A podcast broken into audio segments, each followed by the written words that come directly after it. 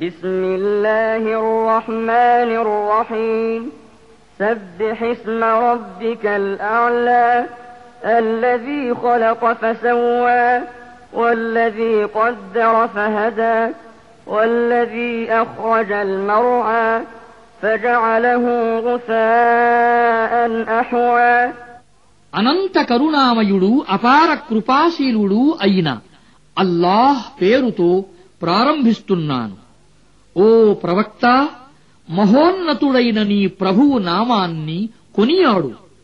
ఆయన విశ్వాన్ని సృష్టించాడు. సమమైన తూకాన్ని నెలకొల్పాడు. జాతకం నిర్ణయించాడు. ఆపై మార్గాన్ని చూపించాడు. వృక్షజాతులను పుట్టించాడు. తిరిగి వాటిని నల్లని చెత్తా చెదారంగా మార్చాడు.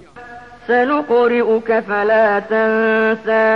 إلا ما شاء الله إنه يعلم الجهر وما يخفى మేము నిన్ను చదివిస్తాము ఆ తరువాత నీవు మరచిపోవు అల్లా కోరిన దానిని తప్ప ఆయనకు బహిరంగమైనవి తెలుసు గోప్యమైనవి తెలుసు ونيسرك لليسرى فذكر إن نفعت الذكرى سيذكر من يخشى ويتجنبها الأشقى الذي يصلى النار الكبرى ثم لا يموت فيها ولا يحيا మేము నీకు సులభమైన మార్గంలో ఉండే సౌకర్యాన్ని కలుగజేస్తున్నాము కనుక నీవు హితబోధ చేస్తూ ఉండు హితబోధ గనక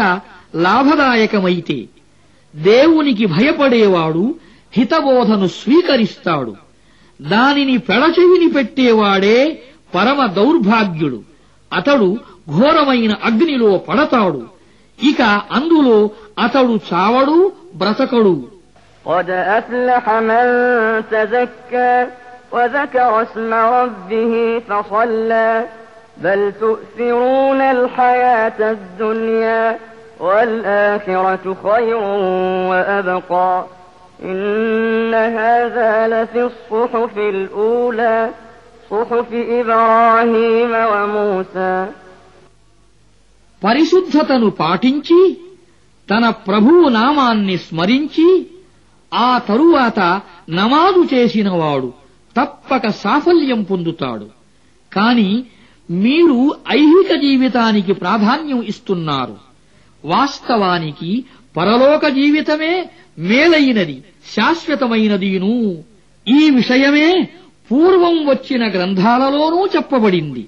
ఇబ్రాహీం మూసాలపై అవతరించిన గ్రంథాలలో.